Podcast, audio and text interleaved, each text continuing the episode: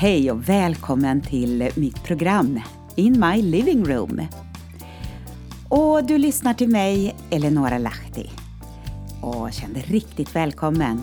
Snart drar vi igång ett nytt blogginlägg som då heter När lögnen får konsekvenser. Mm, vi får se vad det handlar om.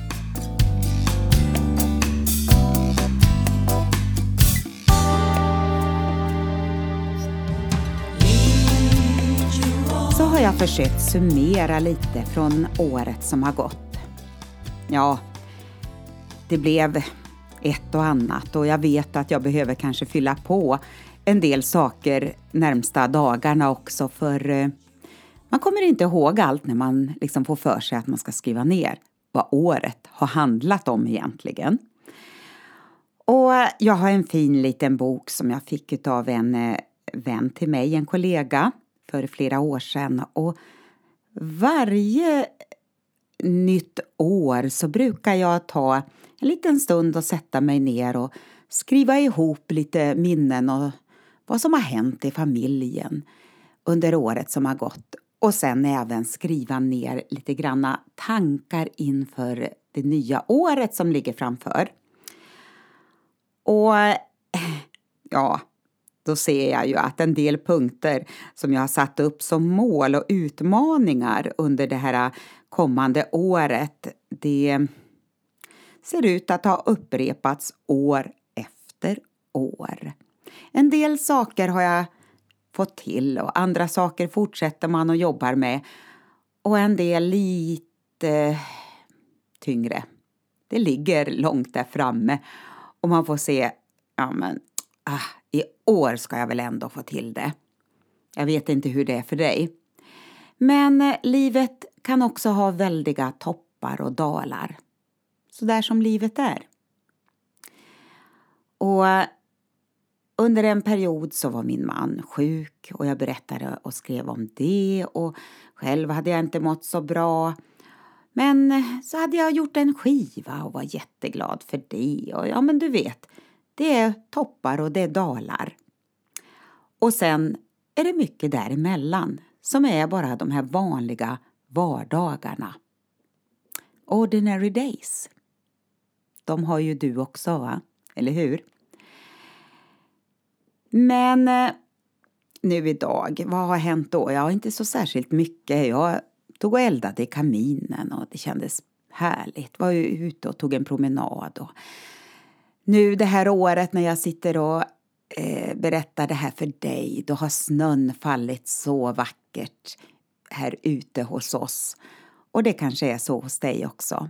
Och det känns nästan lite grann så ett nytt år är, så där orörd och ren och vacker. Men eh, du vet, sen börjar bilarna att köra, människor att trampa ner och ett och annat händer.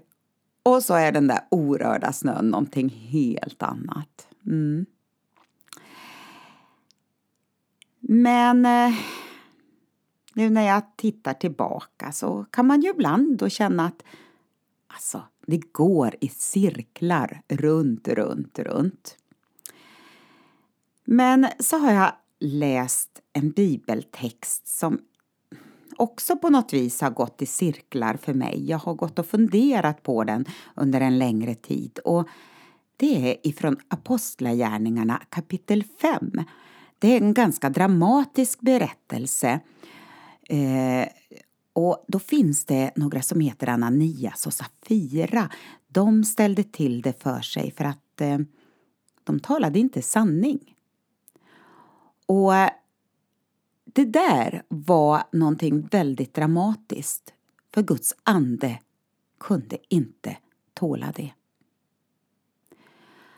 Och det hände saker mitt i församlingen som verkligen skakade om. De föll ner döda. Och ja, det måste ha varit en oerhörd stark, märklig, omskakande, dramatisk upplevelse.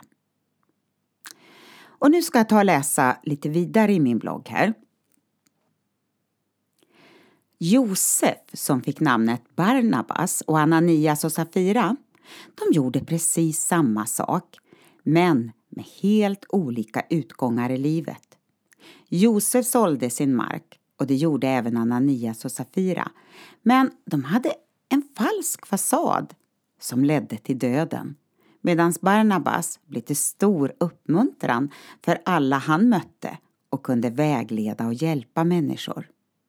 Och jag undrar hur den församlingen hade utvecklats om inte Guds ande hade avslöjat det här dubbelspelet. Egentligen var det väl inte så stor sak, eller? Ja, man, men alltså, man sa en sak, men man gjorde en annan. Och jag suckar när jag tänker på den förvirring som kan uppstå i olika situationer och olika sammanhang i vår tid. Skulle man våga fungera i den här gåvan som Petrus har i funktion här i berättelsen? Kan det vara det här med människofruktan som hindrar oss, men även brist på vår egen gudsfruktan? Vi har alla våra utmaningar och strider, men vi kan ändå välja väg. Och så läste jag något uppmuntrande. Paulus hade lärt känna församlingen i Rom på avstånd, står det. Och han längtade att träffa dem alla. Och då står det i kapitel 1. Jag längtar efter att få träffa er och dela med mig av allt det goda som Gud genom sin Ande vill ge oss, så att ni blir styrkta i er tro. Eller rättare sagt, så att jag kan uppmuntra er och ni mig genom den tro vi har gemensamt. Och jag tänker på er, mina läsare och lyssnare, som också är på avstånd. Jag vill kunna uppmuntra er när vi möts in my living room. Men jag tror och vet att du också uppmuntrar mig i min vandring. Vi har ett nytt år framför oss. Vi har nya, nya utmaningar och strider men vi kan hjälpa varann i våra vägval. Att vara äkta.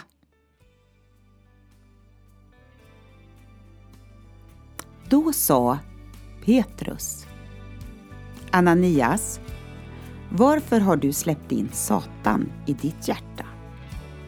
Jordstycket var ditt och du kunde sälja eller behålla det som du ville. Och när du sålt det var det din sak att eh, bestämma hur mycket du skulle ge. Hur kunde du göra något sånt? Det var inte för oss du ljög, utan för Gud. Hur kunde ni komma överens om att göra något sånt? Att försöka lura Guds ande. Apostlagärningarna 5 Det intressanta är att om just innan detta inträffade hade man bett om frimodighet att sprida Guds budskap utan rädsla. Vågar vi det? Ja, det verkar få konsekvenser. Så god fortsättning på det nya året.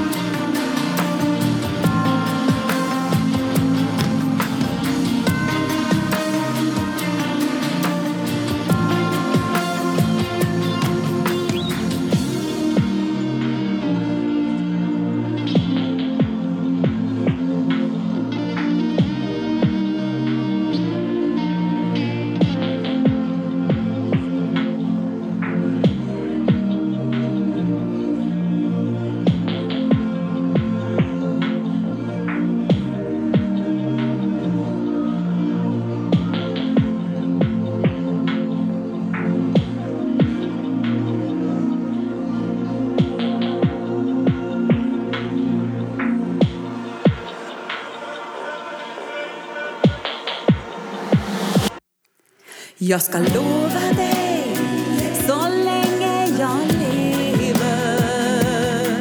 Jag ska lova